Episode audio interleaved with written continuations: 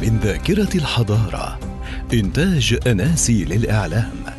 استمعوا أيضا إلى حكايات مروة وأمثال أم صبحي وأم عزات. محتوى إعلامي عربي يبث على جميع منصات البودكاست. السلام عليكم ورحمة الله وبركاته. مستمعينا الكرام في كل مكان تحية طيبة معكم يوسف أسامة.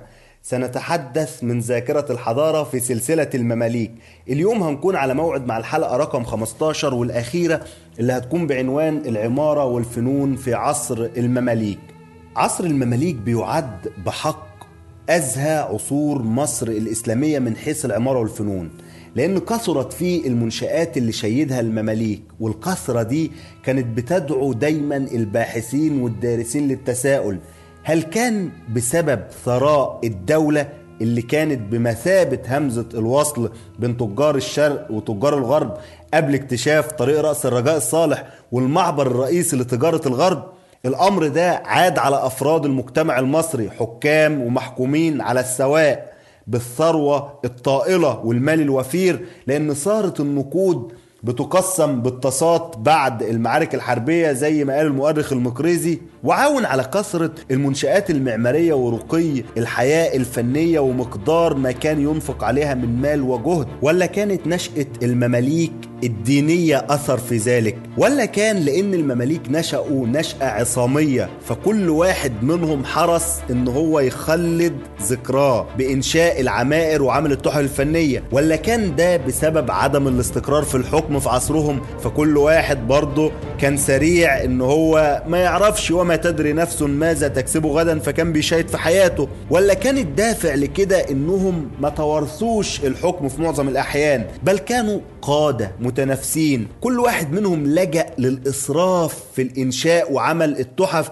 علشان يرفعوا من شأنهم في عين الشعب. ولا كان إنشاء العمائر والمنشآت دي بسبب وفاء لوعود قطعوها على نفسهم قبل ما يوصلوا لكرسي السلطنة زي ما حصل مع السلطان المنصور لاجين والسلطان المنصور قلاوون والسلطان المؤيد شيخ لما كل واحد منهم كان يمر بمحنة فيقول لو ربنا نجاني من المحنة دي ووصلت لحكم مصر فأنا هشيد جامع أو هشيد بمارستان أو هشيد أو هرمم الجامع ده. ولا كان بسبب حبهم للتعمير والتشييد زي السلطان الناصر محمد بن قلاوون اللي كان بيحب العمارة فجاء تقدير مصروفه كل يوم ثمانية ألف درهم. وده الكلام اللي المؤرخين بيقولوهن وكان ينفق على العمارة الواحدة المئة ألف درهم فإذا رأى فيها ما لا يعجبه هدمها كلها وجددها على ما يختار. واستجد في أيامه عمائر كتيرة جدا تجددت في عهده جوامع عدت ال 30 جامع في عددها. خلونا نتكلم عن العمارة الإسلامية في عصر دولة المماليك باعتباره هو العصر الذهبي للعمارة الإسلامية في مصر وإن الإقبال زاد على تشييد العمائر اللي تنوعت أغراضها ما بين مباني دينية تمثلت في المساجد والجوامع والمدارس والقباب والخنقوات والأربطة والزوايا والتكايا. وعندنا مباني تانية مدنية غير دينية وتجارية تمثلت في القصور وفي القاعات وفي الأزبلة وفي الكتاتيب والحمامات والبيمارستانات اللي مفردها بيمارستان اللي هي كلمة فارسية بتعني مستشفى بيمار يعني مريض وستان يعني مكان. وعندنا برضو أحواض سقي الدواب. عندنا الفنادق والخانات والرباع والوكالات والميادين وقناطر المياه اللي مازال عندنا لها نموذج باقي في القاهرة النهاردة. وبرضه عندنا منشآت حربية عديدة تمثلت في الأسوار وفي القلاع وفي الأبراج. وحصيلة المنشآت المعمارية اللي وصلتنا من عصر دولة المماليك البحرية اللي من سنة 648 هجري 1250 ميلادي لسنة 784 هجري 1382 ميلادي. بنتكلم في 95 منشأة في القاهرة لوحدها تجلت فيها كل التأثيرات الإسلامية سواء الشامية أو الأندلسية أو الفارسية وظهرت في بعض عمائر الفترة دي دون البعض الآخر وشاع استخدام الحجر في بناء قباب ومآذن العصر ده وارتقى تصميم واجهات منشآت الدينية زي المساجد والمدارس. وبرضه شاع عندنا استخدام الخط الكوفي المربع لأول مرة والأبواب الخشبية المصفحة بالكامل من النحاس أو البرونز والمكفتة بالذهب أو الفضة أو بالاتنين مع بعض. وبرضه وسائل الإضاءة المصنوعة من الزجاج المموه بالمينا المتعددة الألوان والثريات والتنانير الضخمة المصنوعة من البرونز اللي ما سبقش لنا اللي إحنا صادفناها أبدا في عمائر العصر العصور السابقة زي العصر الفاطمي أو العصر الأيوبي. لو دخلنا على عصر المماليك الثاني اللي هو عصر دولة المماليك الجركسة في سنة 784 هجري 1382 ميلادي واستمر لسنة 923 هجري 1517 ميلادي. العصر ده لقينا فيه منشآت معمارية فاقت في أعدادها أعداد منشآت عصر دولة المماليك البحرية الأولى. لأنه وصل لينا من العصر ده برضه ما يقرب من 136 أثر في مدينة القاهرة لوحدها. ده برغم إيه؟ خلي بالكم. برغم سوء الأحوال الاقتصادية اللي شهدتها مصر في الفترة دي وعندنا تدهور النظام المملوكي برمته وبرضه كثرة الحروب اللي شهدتها الفترة دي وإعداد العديد من التجاريد العسكرية اللي كانت بتكلف الدولة مئات الألوف من الدنانير. حصل برضه الكثير من الأوبئة والطواعين وعصيان وثورات العربان ووقوفهم في وجه السلاطين. وسوء أحوال العملة والتلاعب بأسعارها في النقص أو الخلط أو غشها والدليل على كده إن عصر السلطان الأشرف قايتباي اللي امتد على مدة 29 سنة وشهد جميع مظاهر التدهور الاقتصادي اللي اشتكت منه سلطنة المماليك بصفة عامة ومع ذلك إن عصر السلطان قايتباي ودي من المفارقات في تاريخ دولة المماليك هو العصر الذهبي للعمارة الإسلامية لأنه وصلنا منشآت معمارية متنوعة في القاهرة لوحدها حوالي 18 منشأة. في العصر ده المباني كانت مساحتها صغيرة. وده بسبب إن المناطق مزدحمة بالمنشآت اللي فيها أو بالسكان والعديد من العمائر التانية وتميزت أيضا بتنوع مساقطها الأفقية. نلاقي فيها التخطيط اللي بيضم السبيل والكتاب والقبة على الرغم من معارضة الإسلام إقامة المباني فوق القبور أو التخطيط اللي بيجمع ما بين نظام الأروقة والإيوانات أو التخطيط اللي له الصحن الصغير المسقوف بشخشيخة أو شباك سلك للإنارة والتهوية. خلونا نروح لفاصل ونرجع تاني علشان نكمل حديثنا. خليكم معانا. بوابات الثقافة. بوابات الثقافة. نجحت مملكة البحرين أثناء فترة التباعد الاجتماعي التي شهدها العالم بأسره. في إطلاق العديد من المبادرات والأنشطة عبر منصاتها الإلكترونية المختلفة. وذلك لإثراء التواصل مع الشغوفين ببرامجها الثقافية المتنوعة من شعر وفن وتصوير وغيرها. إيمانا منا بأن العمل الثقافي فعل دائم ومستمر ولا يتوقف عند حدود معينة أو سقف بعينه. وعرضت هيئة الثقافة البحرينية أرشيفها من فعاليات وإنجازات وحفلات وعروض عالمية شهدتها مواسم البحرين الثقافية السابقة. عبر وسم أرشيف الاحد أما يوم الاثنين فعرضت الهيئة من خلال وسمين هما اثنين المتاحف وضوء على معلومات حول المتاحف في مملكة البحرين. وقد تم التركيز على ما تعرضه من تحف ومقتنيات كما تم الترويج للمعارض المؤقتة التي تمت استضافتها. وعبر وسم ثلاثاء السياحة قدمت هيئة الثقافة معلومات تفصيلية عن المواقع الأثرية والثقافية في المملكة. فيما تم عرض اقتباسات من ثقافة البحرين التي وثقتها مختلف اللقاءات مع إعلام الثقافة ومن بينها أفلام الفن عالمنا التي تلقي الضوء على عدد من فناني مملكة البحرين التشكيليين وذلك عبر الوسم اقتباس الأربعاء. وتمكن الجمهور من متابعة بعض الحقائق والإنجازات التي صنعتها المشاريع الثقافية عبر وسم حقائق الجمعة. وروت هيئة الثقافة قصصا حول المنجزات الحضارية البحرينية ومن يقف خلفها ويحكي عنها عبر وسم قصة السبت.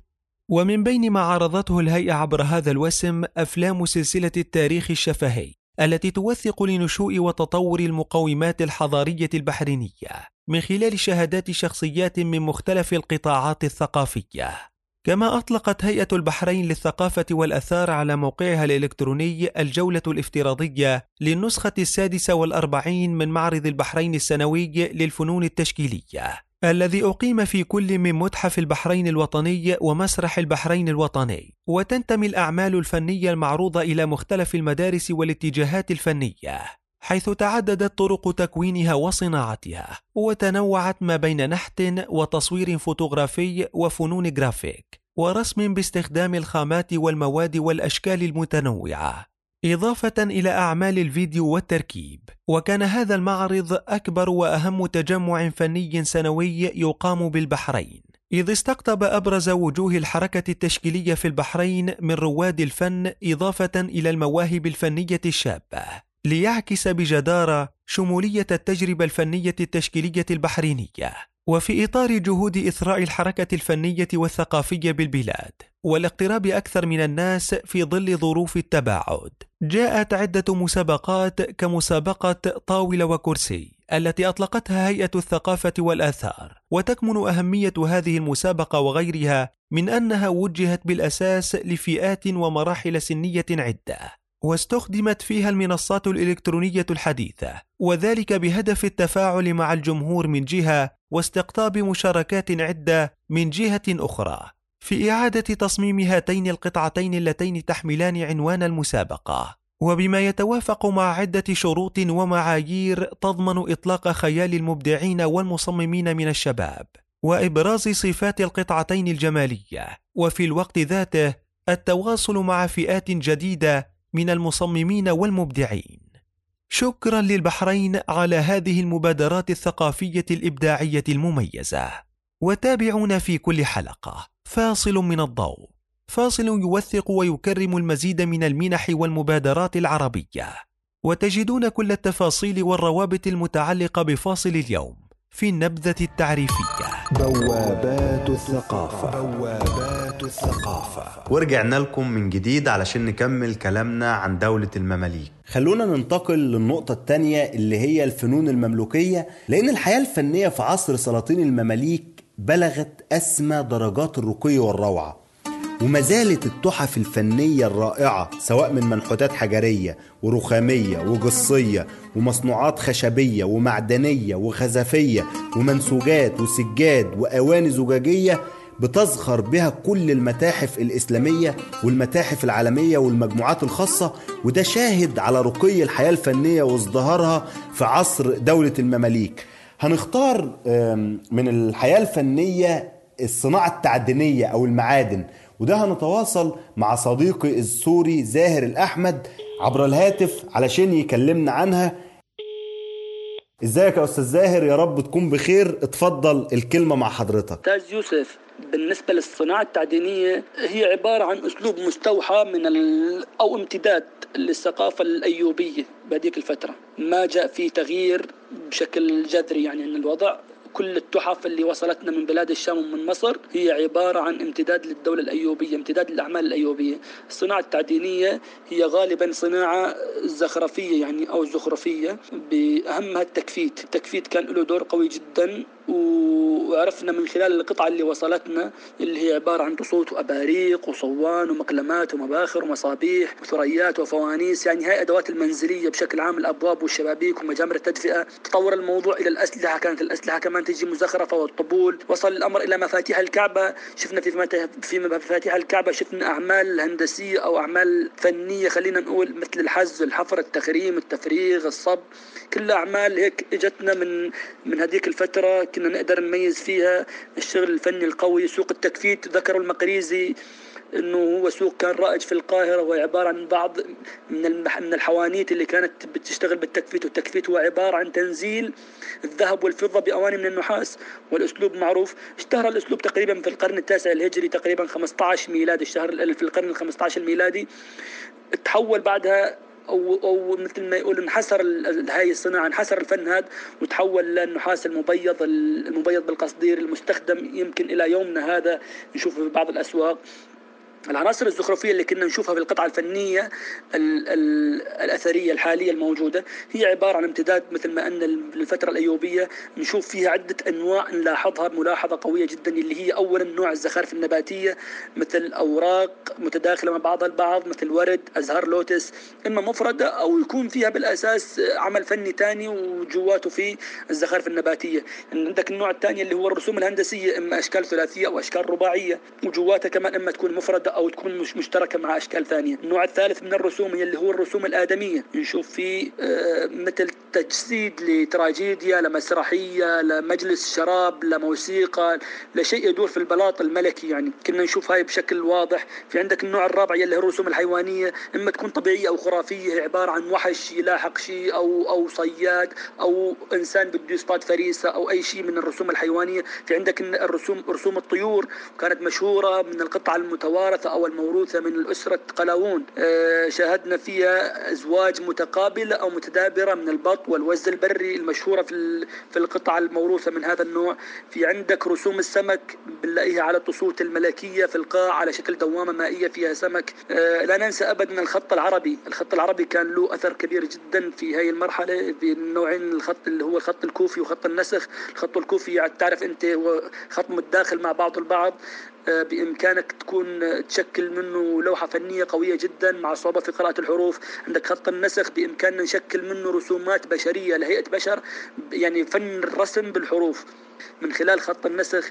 في عندك آه، بعض من خلال بعض الرسوم قدرنا نحصل على اسم ما يقارب 17 اسم فنان من عصر المماليك البحرية وست صناع من عصر المماليك الجراكسة. في عندنا رنوك خاصة كتابية خاصة بالسلاطين. وفي عندك رنوك وظائفية بسيطة هي يستخدموها تشير إلى الوظائف اللي كان يشغلها الأمير في البلاط يعني. شكرا لضيفنا الأستاذ زاهر الأحمد. تعالوا تاني بقى زي ما تعودنا هنرجع تاني للعمارة المملوكية وهننزل مع بعض الشارع في منطقة الحطابة في القاهرة علشان نشوف الخنقاء النظامية. من خارج حدود قلعة صلاح الدين الأيوبي. لو بص قبل القلعة بأمتار هيلاقي المكان الأثري المهم اللي هو موضوعنا النهاردة الخنقاء النظامية. خنقاء يعني مكان لإيواء الصوفية المنقطعين للعبادة. هي كلمة فارسية في الأصل معربة عن خنكاء. وهنا يعني ده المدخل الرئيسي اللي هو تحتنا ده إحنا فوق المدخل الرئيسي بتاع الخنقاء. هننزل له ونقرأ النص التأسيسي. طبعا يعني الحمد لله ده في في سلالم ما زالت موجودة أهو. في هنا بقى النص التأسيسي وده اللي يهمنا. ومفيش أي كتابات تانية أثرية هنا غير ده. هنلاقوا إيه بقى؟ مكتوب إيه؟ أمر بإنشاء هذه إيه بقى؟ المكان الخنقاء الخنقاء المسمى بالنظامية العبد الفقير إلى الله تعالى الجناب الكريم العالي المولوي. اسمه بقى إيه؟ نظام الملة. نظام الملة والدين. إسحاق. طبعا اسمه إسحاق ابن عاصم. هنا مكتوب إسحاق القرشي الأصفهاني. مش عارف إزاي قرشي وأصفهاني. تمام؟ وبعدين نفع الله تعالى. شيخ الشيوخ بالديار المصرية والبلاد الشامية وسائر المملكة الإسلامية. آخر كلمة هي الإسلامية. وبعدين التاريخ مش موجود أهو. ده المفروض إن هو هيكتب هنا بتاريخ. يعني بعد كلمة الإسلامية كده هيكتب بتاريخ. التاريخ مش موجود آه فإحنا قلنا ان من ال... يعني الشخصية هو معاصر للسلطان حسن. آه المكان طبعا يعني زي ما إحنا شايفين يعني تحفة. حاجة يعني رائعة. يعني لكم الكلمة. إحنا خدنا النهارده يعني فكرة عامة عن الخنقوات وتاريخها. وبكده نكون وصلنا لنهاية حلقتنا ونهاية السلسلة سلسلة المماليك. انتظرونا إن شاء الله في سلسلة تانية من ذاكرة الحضارة ومن إنتاج أناسي. شكرا لكم مستمعينا الكرام. إن شاء الله مش هنغيب عليكم. والسلام عليكم ورحمة الله وبركاته. من ذاكرة الحضارة إنتاج أناسي للإعلام. استمعوا أيضا إلى حكايات مروة وأمثال أم صبحي وأم عزات محتوى إعلامي عربي يبث على جميع منصات البودكاست.